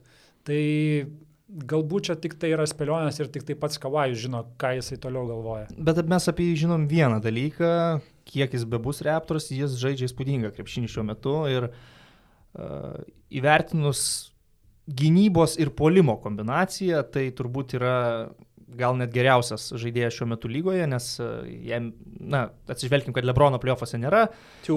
Iš, iš aktyvių žaidėjų playoffuose mes galime debatuoti, Durantas ar Hardinas yra geriausias polimo žaidėjas, bet paėmus ir polimą, ir gynybą, ir matant visus tuos skaičius pataikymo procentus, turbūt e, sutiksim, kad Kawhi Leonardas, tas dvipusis krepšininkas yra šiuo metu uh, geriausias. Ir žaidžia jis seriją su komanda, kuri ant popieriaus man netrodo silpniau už Raptors. Aš e, matau Raptors didelių problemų dėl rotacijos, per mažas indėlis e, atsarginių žaidėjų, tik tai uh, neseniai pagaliau Fredas Van Vlytas kažką pataikė, padarė žmogus, kuris yra rotacijoje kylantis nuo suolo, Kailas Lauri. Man vis dar yra labai nepatikimas žaidėjas ir iš keturių serijos rungtynių jis duok dievę vieną sužaidžia gerai. Tai realiai ant Kawhi Leonardo pečių yra visa šita komanda, kurią jis ir tempia. Uh, Faktas, kad Raptors darė all-in ėjimą, nes dar prisidėk, pridėkime ir tos mainus Jono Valančiūno į e, Marką Gazolį, kur e, nuomonių yra įvairių, ypač Lietuvoje, bet šitose atkrintamosiose aš bent jau matau, kad Markas Gazolis tai, ko iš jo tikėjosi Raptors jį gaudami, tą ir padaro. Jisai, žaidžiant su Orlandu, pakankamai efektyviai stabdė Nikolą Vučevičių. Jis kiek įmanoma tvarkosi ir su Joeliu Embidu, tą parodo nemaža dalis statistikos skaičių. Aišku, yra ir faktorius, kad e, Joelis Embidas lyg, Nėra ir- lyg ir nėra visiškai sveikas ir šitą, šitą seriją žaidžia su tam tikromis uh, problemomis. Ar jūs manot, kad Raptors namie yra favoritai septintoms rungtynėms? A, žinoma, kad i, jie, a, taip jie yra favoritai lemiamoms rungtynėms, bet a, kitas dalykas yra tas, kad a, manau, kad šios rungtynės labai stipriai aps, apspręs 76ers ateitį, nes tai yra komanda, kuri keturis metus tenkino. Visose sezonuose laimėdavo iki 20 rungtynių ir viskas yra dėl to, kad dabar iškristų konferencijos pusfinaliai. Nu, jų planai tikrai yra žymiai Jie didesni. dar gavo ir Jimmy Butlerį, A, taip, per mainus pavyko gauti taip pat gerų žaidėjų. bet- Tobias Harris. Uh, JJ Redick. Bet uh, noriu pasakyti, kad ar tikrai buvo verta keturis metus būti pajokos objektų visos lygos visame pasaulyje, vien tam, kad tu pasiektum konferencijos pusfinalį. Mano problema su Sixers, e, aš labai žaviuosi Joeliu Embidu, man patinka ir Butleris, patinka ir Edikas, mano problema su Sixers ir jų atkrintamosiomis yra Benas Simonsas. Tiesiog prie visų tų puikių fizinių duomenų, ką jis turi, prie geros gynybos, e, tas absoliutus metimo neturėjimas ir aš sakydamas metimo neturėjimas, turiu minį net metimo elementarios technikos neturėjimas, ant tiek atsiskleidžia atkrintamosiose, kai atsiranda daugiau taktikos ir gynybinių visokių manevrų ir panašiai, aš nematau, kaip galima būtų aplink tokį žaidėją lipdyti savo komandą. Sakykime, Janis ant to kumpo turi trūkumą, kad e, prastai pataiko iš toli, bet jis Bet jis nebijo meta, mes. jis bando ir jis turi techniką, iš kurios tu gali formuoti metimą, gal netapsi snaiperiu, bet gali tapti pataikančiu žaidėju, nuo kurio taip jau drąsiai nesitrauksi. Žiūrėdamas į Beną Simons, aš net nežinau, kuria ranka jis metais. Ataka gali užbaigti visiškai iš po krepšio, o jeigu jau meta net ir puskablį iš truputį toliau, tai atrodo, kad jis net nejaučia kamulio. Tai aš e, sunkiai matau lipdoma čempionišką ar tai finalų komandą aplink tokį žaidėją. Ir labai nemažai kalbų yra apie Beno Simonso darbo etiką. Ar jisai iš tikrųjų yra tas, kuris stengiasi tą metimą padaryti. Nes jeigu kalbant apie Janį, tai niekam nekyla kalbų, kad tai yra žiauriai daug dirbantis žmogus. Netgi tas, kuris atsisako ten tų garsių žaidėjų pasiūlymų, jis nenori eiti ten į draugystės su Lebronu, su dar kažko, kas šiaip kvietė jį kartu vasaram sportuoti, jisai atsisako, jisai ten kažkur turbūt užsidaro, pats dirba. Apie Beną Simonsą kalba, kad jisai galbūt nėra tas, kuris palieka visą, visą save už rungtynių ribų. E, Ta pati nuotrauka buvo, kur prieš playoff rungtynės Toronte jisai klube buvo pirmą nakties. Gal ir nieko baisaus, pirmą nakties dar nėra kažkas baisaus, ar ne? Šeštą ryto jau yra kažkas rimčiau. Pirmą nakties gal nieko baisiau, bet, bet, bet tikrai yra tokių kalbų, kad jisai nėra tas, kuris e, labai stengiasi ir tas metimas, žiūrint, kaip jisai per apšilimą mėto, ar ne, tai yra kraupus metimas. Sakau, tai nėra technikos Man, jokios. man iš vis nesuvokiama, kai gali e, profesionalus žaidėjas, kurio tai yra darbas, gyvenimas, mes taip kaip aš metu, ta prasme, atėjęs, kuriam tai yra šiaip laisvalaikio. Ir teoriškai tai yra būdas. pirmos pozicijos žaidėjas. Na, pagal duomenys, sakykime, jis trečias numeris. Gynyboje jis trečias numeris ar ne, bet jis yra žaidėjas Filadelfijos 76 komandos. Um, tai vad, man visiškai taip pat Benas Simonsas nėra įrodęs, kad jis yra ne tai, kad esama, bet būsima NBA žvaigždė. Kaip pavyzdžiui, Joelis Embidas mano akise akivaizdžiai yra dominuojantis vidurio polėjas ir dėl jo vienintelis dalykas yra traumos. Jeigu jo traumos nestabdys, tai yra absoliučiai dominuojanti jėga, kuris turi dar žaidėjas turintis dar ir tokį, na, kaip pasakyti, pilną paketą, nes jis pataiko ir iš toli, ir iš vidutinės distancijos, įspūdingai žaidžia baudos aikštelėje, kai jis yra savo geriausiame uh, žaidimo žaidime, sakykime, taip visiškai sveikas, pasiruošęs, tai jis yra nesustabdomas. Jis toks, tai pavyzdžiui, buvo... retai. Taip, šitoj serijoje tai buvo tik tai e, trečiose rungtynėse, kur nei Markas Gasolis, nei Seržas Ibaka, niekas absoliučiai negalėjo nieko padaryti prieš, prieš, prieš Džoelį. Bet kalbant ne vien apie šią seriją, jis, pavyzdžiui, praėjusį sezoną, sezono gale gavo uh, veido traumą. Tokia labai nu, net, netipinė trauma stabdantį žaidėją nuo, nuo ėjimo į aikštę ir jis tiesiog atrodo kaip žaidėjas linkęs traumuotis, ne visada logiškose situacijose, bet tiesiog kaip nepanašu, kad jis bus žaidėjas, kada nors galėsintis sužaisti, tarkim, 75 reguliarios zono rungtynės ar net daugiau. Bet reguliarusis sezonas gal nėra čia tiek svarbus, jeigu tu ateini atkrintamasias pilnai pasiruošęs ir geriausios kondicijos, kas, kas dabar nėra taip, nes e, Embidas turi bėdų, kalbėta apie kažkokią traumą, paskui apie lygą, kad jisai žaidžia sirgdamas, nėra aišku ir nėra deklaruojama oficialiai, tarkim, klubo kokios tos bėdos, bet kai yra tokie dideli kontrastai, vieną naktį 33 taškai ir 12 atkovotų ir visiškai sudaužytas iš įpulius Markas Gasolis, po to po dviejų naktų atrodo žaidėjas visiškai nesugeba nieko padaryti prieš tą patį Marką Gasolį, tai man irgi atrodo, kad tos bėdos yra gal net ir ganėtinai rimtos. Tai aš asmeniškai norėčiau, kad laimėtų 7 rungtynės Torontas. neturiu čia ko labai slėpti, labai sergu už Kavą Leonardą, patinka man Markas Gasolis ir aš norėčiau jų pergalės. Man vienintelis e, to blogojo Toronto šešėlis likęs, tai yra be jokios abejonės Kailas Lauri, bet e, dabar šitoj komandai na, jis nebegauna tiek daryti tų keistų, nelogiškų metimų, nėra tiek ir komanda nuo jo jau stipriai priklausoma, o jei vietoj Kavai būtų čia Derauzanas, aš manau, kad serija būtų pasibaigusi seniai, seniai Filadelfijos naudai. Aš manau, kad aš manau, kad pačią rytų konferenciją laimės Filadelfija, nes septintas rungtynės gali laimėti bet kas, o, o vėliau finale prieš Milwaukee Bucks irgi visko gali būti. Galbūt uh, poroje rungtynių prašiau pataikys Milokio snaiperiai, Brukas Lopesas, Mirotičius, Hilas dabar žaidžia tikrai įspūdingą uh, playoffų raną. Ir, ir galbūt Filadelfija sugebės tuo pasinaudoti. Bet norėčiau, kad laimėtų rytus Milvokis, nes manau, kad tada būtų daug įdomesnis visas NBA finalas. Aš manau, kad Filadelfija gal turi daugiau planų po plano A, nei turėtų Milvokis, jeigu jų pagrindinis planas ir ginklas nesuveikia, bet uh, konkrečiai čia aš tikiu Toronto sėkme. Aš šiaip irgi, aš manau, Torontui aš duodu pirmenybę vien dėl to, kad jie turi geriausią serijos žaidėją. Kavai vis tiek jis yra geresnis už bet kurį Filadelfijos žaidėją ir galbūt ir tas jo šaltumas tok, tokiom rungtynėm yra sutvertas. E, aš kažkaip labiau tikiu tom, kad geriausias serijos žaidėjas laimės lemiamą serijos rungtynę. Aš mačiau, Maksas Kellermanas čia buvo iškėlęs teoriją, kad Kawhi Leonardas yra geresnis klat žaidėjas nei Kobe Bryantas. Aš manau, kad ten tas... Ten, man, man irgi taip atrodo, kad reikia jas sukurti, nes tada Steveniai Smith perėmės mikrofono ypatingai garsiai e, dėjo iš Unsdinas Maksą Kellermaną, bet čia tiesiog uh, iš niekur nekils toks teiginys, kad jis yra geras kladžaidėjas ir nebus lyginamas su Kobe, jeigu jis to neparodys aikštelėje, tai šitoje serijoje parodė. Uh, kad tikrai pataiko ir svarbius, ir sunkius metimus, bet dabar jau gal metas vakarams, gan ilgai čia pasibuvom. Į vakarą jau ir jo. Šiandieną šiaip į vakarą. Ilgokai čia pabuvom rytų konferencijai, metas va vakarų konferencijai. Startuokim gal nuo Denverio Portlando, aš asmeniškai šitos serijos beveik ne, nežiūrėjau. Uh, kadangi vyksta vakarai dažniausiai pusė šešių ar pusė penkių, atsirinkau, kad man pakanka Golden State su Houstonu ir Portlando Denverio. Nemačiau, bet tie, kas matė, tie, kas žiūri, sako, kad serija yra įspūdinga.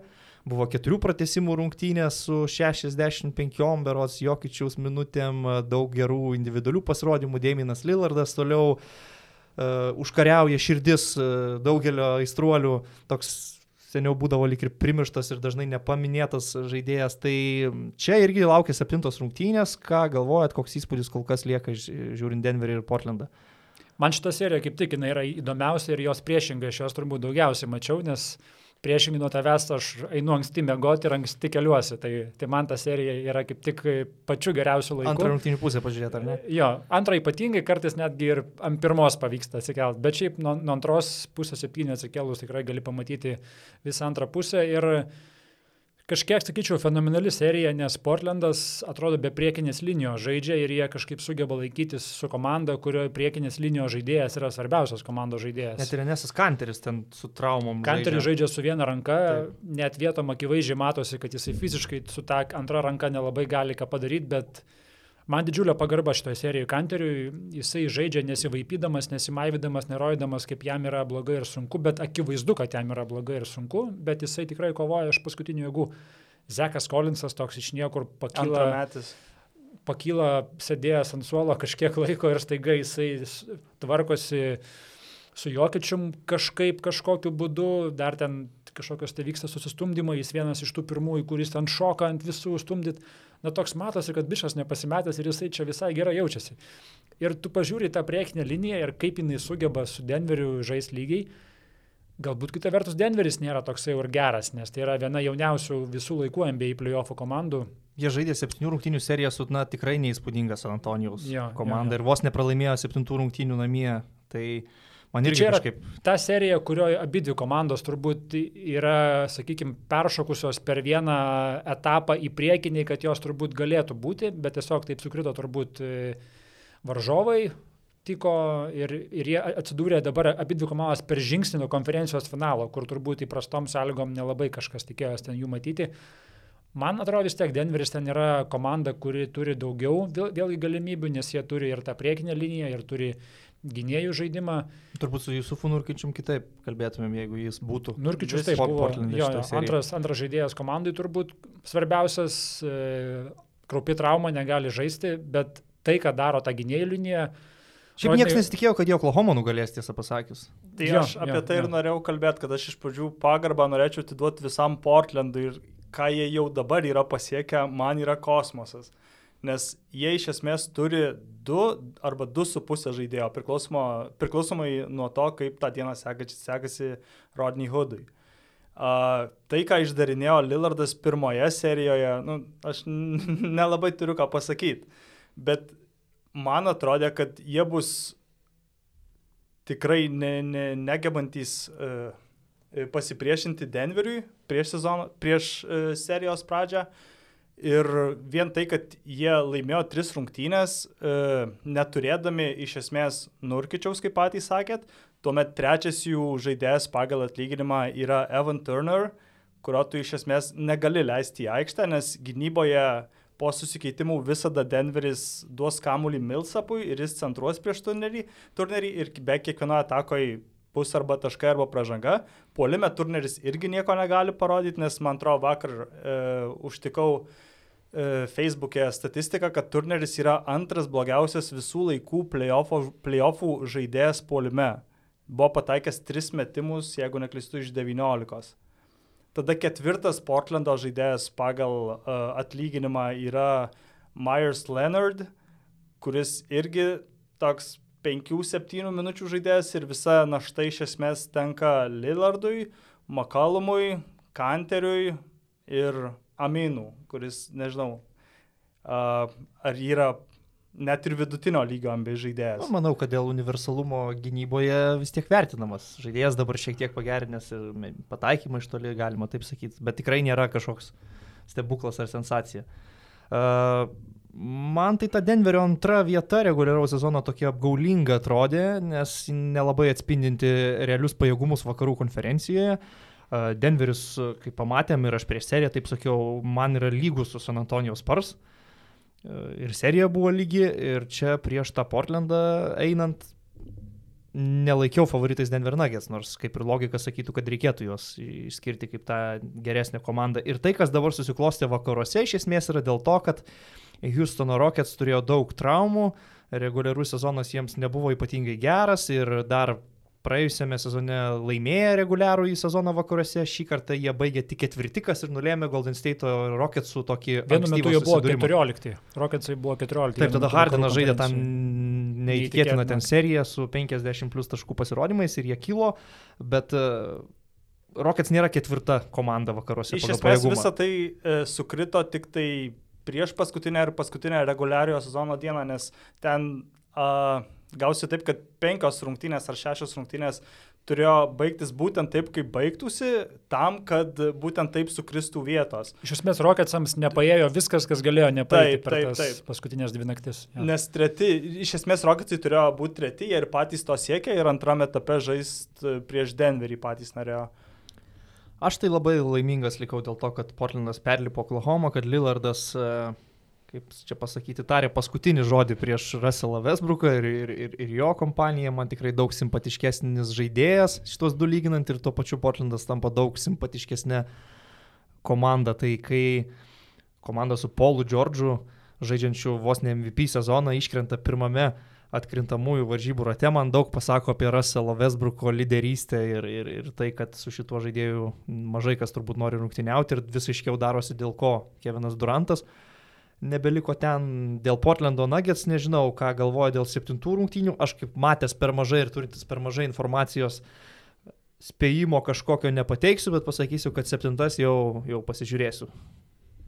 Aš vėlgi turbūt sakyčiau, kad geresnis žaidėjas ištems seriją ir mano tas toksai galbūt nuskambės keistai, bet man Lillardas šiai dienai vis tiek dar yra geresnis už Jokičių kažkiek. Ir aš sakyčiau, kad galbūt dėl tos patirties, galbūt Jokičius nėra matęs tiek daug tokio, tokio lygio varžybų, rungtynių. Galbūt logiškai Jokičius geresnis žaidėjas, be abejo, nei kad Lil- Lil- Lillardas jisai pasiūlo žymiai, žymiai daugiau visko, bet ta patirtis, tas tokių akimirkų žinojimas. Metimai iš kiek ten? Metimai iš tų ten dešimties metrų. Jo, jisai šią naktį vėl įmetė ir tas stacas, kad jisai Ja, mačiau. iš 13 yra 9 pataikęs tokius O metimus. likę kai likusi lyga ten- 88. Jo, kažkas jo. tokio. Tai aš kažkaip linkęs visgi būčiau link to, kad e, Lillardas išves komandą į konferencijos finalą, nes man yra labai sunku įsivaizduoti kaip Nuggets, kurie metai prieš tai net nežaidė playoffuose, kitais metais jie žaidžia konferencijos finale. Aš tų Tokie- žaidėjų veidų, tiesą pasakius, net nesusidėmėjęs. Aš žinau tas pavardės, mačiau pakankamai rungtynių, bet man dabar parodyk nuotraukas uh, Tori Krego ir, ir Vilo Bartono ir aš nepasakysiu, kuris yra kuris. Ir aš kažkaip tokių šuolių NBA nebūna labai daug, kad komanda iš devintos vietos šoktų į konferencijos finalą per metus. Nebūna. Jeigu tai vyks, valio, bravo, Denverio visai organizacijai, ten lietuvių dirba, taip. taip toliau smagu, bet aš kažkaip vis tiek būčiau linkęs tikėti labiau tą komandą, kuri turi, turi truputėlį daugiau tos patirties, nors turbūt finale konferencijos, bet kuriuo atveju ne viena komanda neturės daug šansų. Aš tikiuosi, kad laimės Portlandas, bet manau, kad laimės Denveris. O kalbant apie uh, Vilą Bartoną, man jis yra toks žaidėjas, kuris parodo, kaip seniai aš domiuosi krepšinį ir galbūt pats ir koks jau senas esu, nes išgirdus Barton, man iškart e, ateina į galvą Liubošas Bartonas. jo.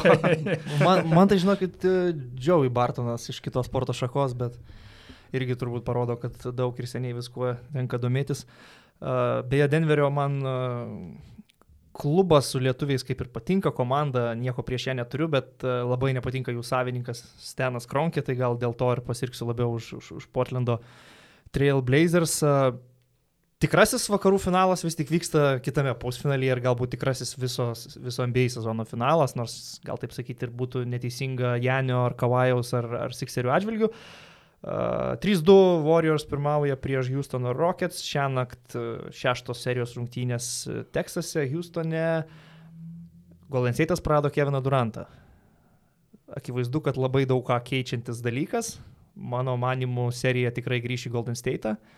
Ir uh, iškyla man visi tie šešėliai praeities Hardeno, kai jis galėjo uždaryti seriją su Sparsais, kai galėjo uždaryti seriją ir pernai su Golden State'u ir žaisdamas tuos fantastiškus sezonus, tose svarbiausiose sezono rungtynėse mesdavo beviltiškų procentų ir baigdavo su 8-9 klaidom rungtynės.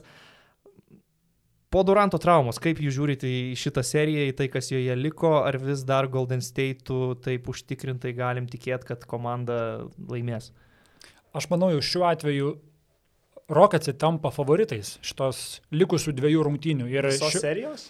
Aš sakyčiau taip, nes šiuo atveju Hardinas tikrai nebeturės pasiteisinimo, jeigu jis nesugebės laimėti šitos serijos.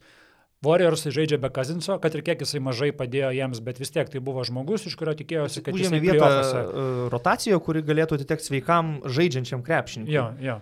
Duranto nebebus. Kari pirštai, teko matyti kelias nuotraukas, kur tie pirštai gana kraupiai atrodo, ten yra iš, išnirę galbūt net. Vėlgi kalba, kad čia galbūt yra slepiama ta tikroji jo būklė, nėra taip, taip, e, taip gerai, kaip galima įsivaizduoti ir tas sumetimų procentas. Čia kalbų buvo, kad jisai nėra klač žaidėjas, kai nepataikė per vienas rungtynės, kur vėlgi tokios išvalgos, tokios išvados daromos po vienų rungtynių, kur mes žinom, tai yra čempionas, tai yra žmogus ištempęs komandą iki aukščiausio, aukščiausio įmanomo tikslo, bet aš tikrai manau, kad šiuo atveju Rocketsai turi viską savo rankose, jie privalo šitą seriją paimti, be Duranto e, Warriorsai tikrai šiemet yra skista komanda. Teko paties skaityti ryti tokią nuomonę, kad su- suolo nebėra šiemet Warriorsų komandai, jie ypatingai priklausomi nuo savo tų žvaigždžių. Dabar ką belieka tikėtis, kad e, išaus grinas kažkiek daugiau polime imsis ant savęs, kad klėjus sumės metimus, kuriuos jisai ne visada šitoje serijoje sumeta. Jiem dabar reikia tikrai pasitemti tiem likusiam trim žaidėjim, kurie yra, yra didžiausios žvaigždės, nes kažko daugiau tikėtis.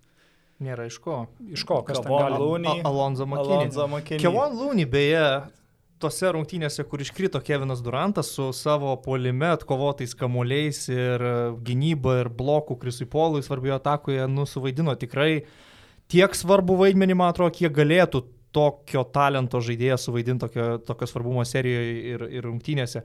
Aš tai manau, kad e, visą šitą laiką ir prieš tai be Duranto ir dabar su Durantu Warriors labiau priklausomi buvo nuo savo gero kamulio judėjimo ir sukūrimų situacijų puolime, kai dabar jie tapo labiau nuo Duranto žaidimo vienas prieš vieną priklausomais. Tai tapo gan akivaizdu.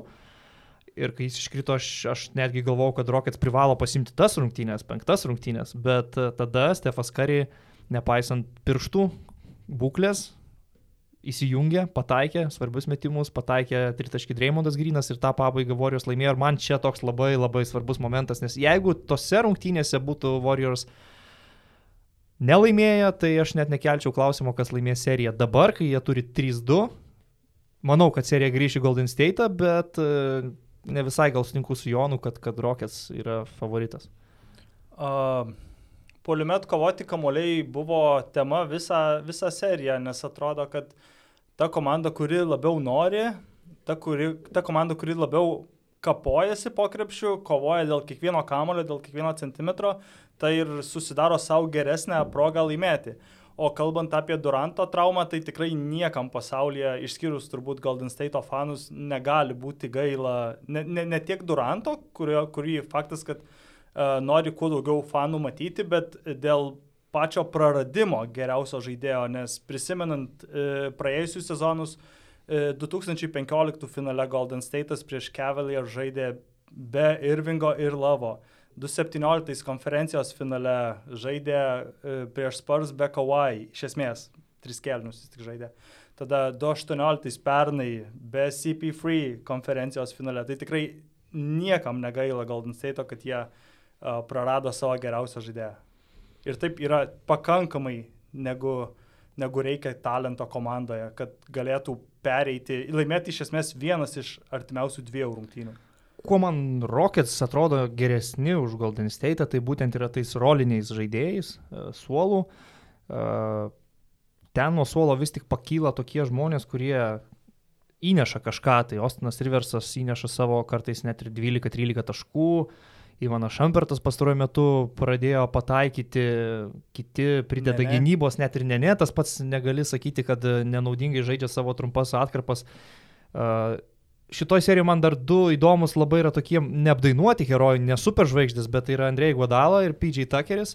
Andrei, aišku, turi finalo MVP, visi žino, koks jis svarbus šitai Golden State komandai ir nieko nestebina, kad jisai padaro kažkokį svarbų įimą aikštelį, ar tai būtų gynyboje ar polime, bet uh, PJ Tuckerio puolime atkovoti kamuoliai, pavyzdžiui, ketvirtose rungtynėse, kai Houstono serija lygino, turbūt buvo lemiamas veiksnys, nes jau gal Nenseitas visiškai lipo ant kulnų, Rockets žvaigždės atrodė pavargusios, metimai vienas po kito atsimušinėjo lanką ir kiek tokių beviltiškų kamuolių sugebėjo PJ Tuckeris nuimti nuo Grino galvos, nuo kitų žaidėjų galvos. Kartais tai gal yra tiesiog elementarus didesnis noras, laimintis prieš didesnį meistriškumą, patirtį ar talentą. Ir čia Golden State'as prisižaidė, aš manau, žaiddamas su Clippers, kur turėjai laimėti seriją 4-0, pasidarėjai savo nereikalingas dvi papildomas rungtynės dėl savo atsainaus požiūrio ir atsipalaidavimo, tada baigėjai seriją su Kari ir Thompsono pasuktom čiurnom. E, dabar vėl prasideda tos traumos ir problemos, tai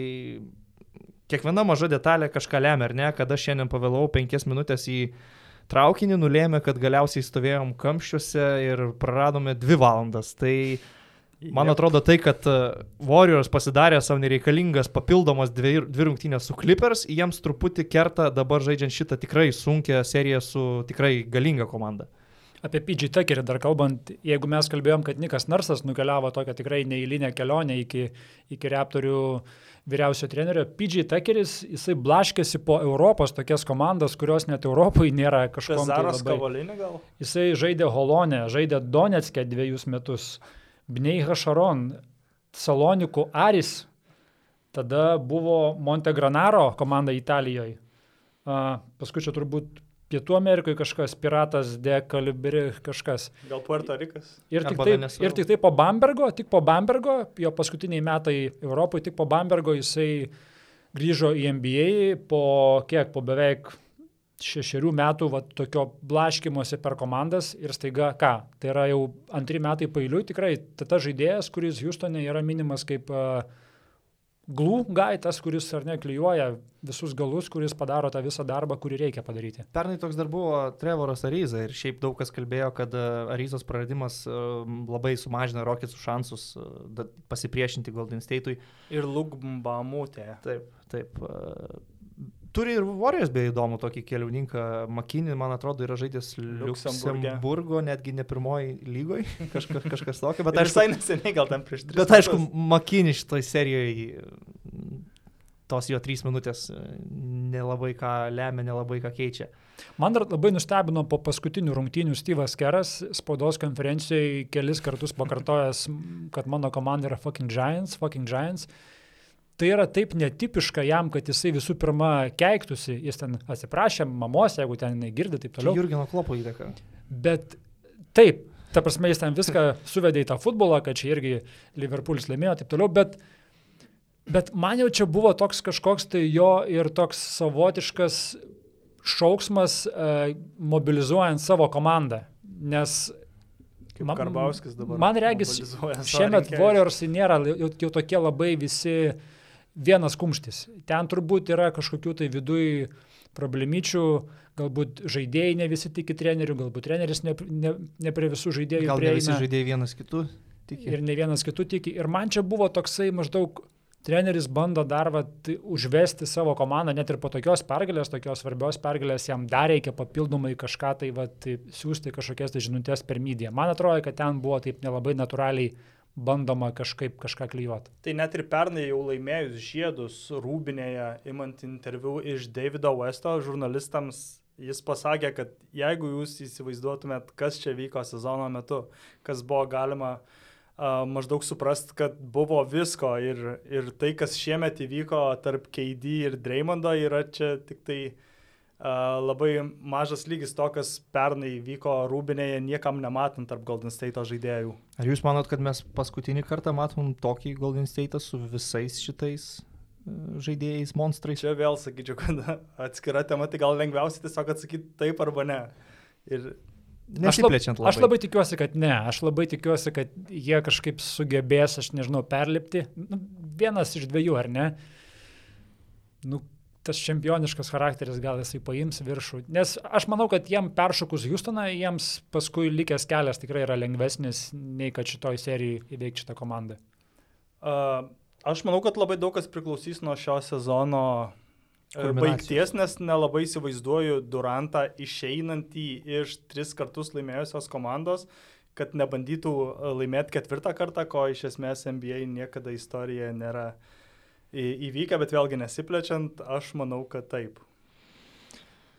Aš labai argumentų kažkokių stiprių nei turiu, nei pateikinėsiu, bet e, man tai atrodo, kad e, bus permainų e, Warrior sudėtyje, kalbant apie tas ryškiausias žvaigždės, o ne apie kažkuriuos uh, pagalbinius žaidėjus. Beje, ką reiškia pagalbiniai žaidėjai, kaip dažnai sakoma, jie ne, nemažiau svarbus nei žvaigždės irgi išriškėja šitoje serijoje, nes uh, jei dar Andrėjai Guadalą palaiko savo lygį, pavyzdžiui, tai, kad Šonas Livingstonas visiškai paseno ir akivaizdu, kad jau nebegali patemti tokio krūvio, tokio tempo atlaikyti, jiems smarkiai kerta, jie jau realiai praranda vieną stiprų žaidėją rotacijoje ir pažiūrėkite, kiek, kiek po to būna problemų, kai turi kažkam duoti poilsio.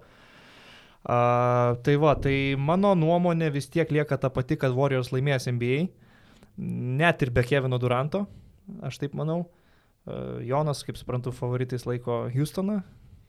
Man logiškai turbūt būtų Houstonas, bet aš, aš turbūt irgi aš tau pritarčiau, aš norėčiau, kad jie taptų čempionais. Kad ir, kad, kad ir kaip galbūt kažkas nori kažkokių permainų, kažkokių naujų čempionų, čia atsibodė nuo bodų ir taip toliau, bet tai yra vis tiek dinastija ir norisi, kad ta dinastija jinai pasibaigtų skambiai. Ir jeigu jie dabar tai padarytų per visą šitą likusį laiką žaidžiant be Kevino Duranto, aš manau tiems nostalgikams, kurių tikrai yra, sakančių, kad e, prieš Durantą Warrior žaidė gražiau, buvo įdomesni, tai būtų gal toks truputį flashbackas į, į tuos e, netokius jau senus, bet ankstesnius laikus, kai KD dar buvo Oklahomoje. O dabar, jeigu jau visas nuomonės išsakėte, norėčiau pre, pereiti prie trivija rubrikos. Turiu Jums paruošęs porą klausimų. Okay. Pažiūrėsim, kaip pavyks su jais susidoroti. Taigi, toli nenukrypstant nuo NBA. Uh, Šiaip Jonas kompą turi, Aš, jau, kad jis aš tą pat norėjau sakyti, aš, aš Tai taip labai greitai galiu. A, tai yra po penkis uh, užsieniečius, tai yra ne amerikiečius, laimėjusius NBA e, labiausiai patobulėjusio žaidėjo apdovanojimą arba šeštojo geriausio žaidėjo apdovanojimą. Tai norėčiau, kad juos ir įvardintumėt. Iš viso yra penki. Po penkis. Po pe... Ai, viena ir Iš kita yra po penkis. Gerai, geriausio Tai šešto. Po, po, po, vien, po vieną. Iš geriausio šešto. Manu žinoblis, tikrai. Taip. Goranas Dragičius. E, Goranas Dragičius nėra laimėjęs geriausio šešto. Turbūt labi, gal bus ir patobulėjus. Gerai, tada geriausias šeštas europietis. Ne europietis. Ne europietis, užsienietis, taip. užsienietis, manau, taip. manau, ne europietis. Um, Tai čia ir skaičiuojasi afrikiečiai tada Taip, kažkas taip, taip, iš, visi, visi. Iš afrikiečių. Jeigu tik toks buvo, aišku, nes jie visi startuodavo geriausiai. aš garantuoju, kad, kad bus gėda, kai pasakys tas visas pavardės, bet Uh, prieš pat, žinau, Šinobilis laimėjo 278 sezoną, prieš pat jį vienoje tokiai labai gerai. Leandro Barbosa? Jep. okay, du turim iš Pietų Amerikos. Tuomet vienas yra toks pusiau amerikietis, sakyčiau, pusiau labai nekrepšinio šalies Europoje atstovas. Už rinktinę beveik nežaidęs. Koks airis? Labiausiai žinomas gal iš Čikagos Bulls laikų. Volas Dengas? Mm, Ne, bet... jo. Benas Gordonas, Jep. taip, jis juk taip. yra iš Jungtinės karalystės. Ir kiti du yra iš labiau legendinių laikų, tai yra 20-25 metai atgal. U. Tony Kukočius? Jep, Ir, Ir paskui- Lukas Longley? ne. Ne, ne. jis Ne, startą jis žaidė. startą žaisdavo centru. Nebuvo labai geras, tiesą pasakius. Jis beje vienintelis iš šito uh, sąrašo laimėjęs du kartus. Čia tas, kurio dar net A, nepasakė. Detlevas Šremfas. Jep, Okay, nu dar visai neblogai susitvarkėm. Dabar reikia labiausiai patobulėti. labiausiai Tai patobulėjęs. čia turi būti Dragičius, ne? Taip, Gornas Dragičius, Galinari gal buvęs, ne? Galinari ne. Okay.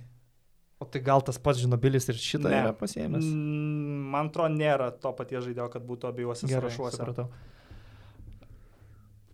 Vienas žaidėjas dabar žaidžia monstrišką sezoną su C. Monstrišką. Monstrišką sezoną, ne?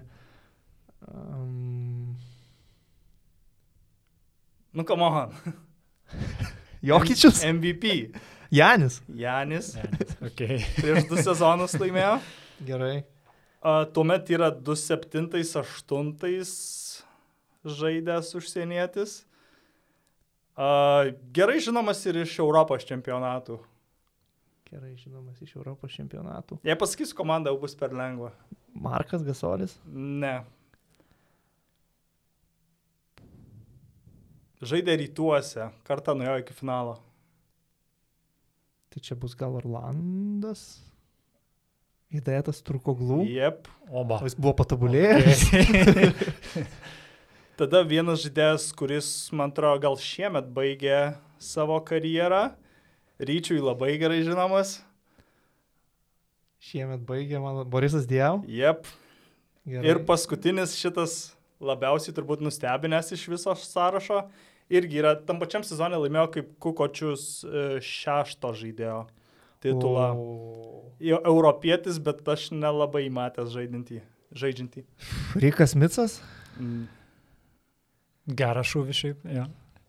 Bet, nu gerai, tarkim, pasiduodam šiuo atveju. Nu, čia tikrai, turbūt žinosim šitą krepšininką, bet Žaidęs Vašingtonė, vėliau žaidęs Powerteze. Netsuose. Džordžas Murešanas. Taip. Rimtai? okay. Ir jisai buvo labiausiai patobulėjęs vienais metais. Wow. Tai va, visai gerai susitvarkė. aš jį tik dėl ūgio atsimenu, ne dėl kažkokių labai didelių pasiekimų. Nu, tikrai normaliai susitvarkėm. Ką man atrodo, čia pakalbėjom gal net ilgiau nei planavom, turbūt tom dviem temom. Karolis bijojo, kad per mažai temų bus, tai turbūt ateityje tokios baimės ne, ne, neturėsime šioje tinklalaidėje. Priminsiu, čia buvo pirmasis kol kas uh, basketnews.lt tinklalapyje Užkalti halės langai podcastas. Uh, tikiuosi patiks, o jei ir nepatiks, taip pat parašykite, pakritikuokite, bus įdomu sulaukti klausytojų nuomonės. Atsisveikinam iki kitų kartų. Buvo su jumis Karolis Kadikinas, Rytis Višniauskas ir Jonas Miklovas. Iki. Tiesa.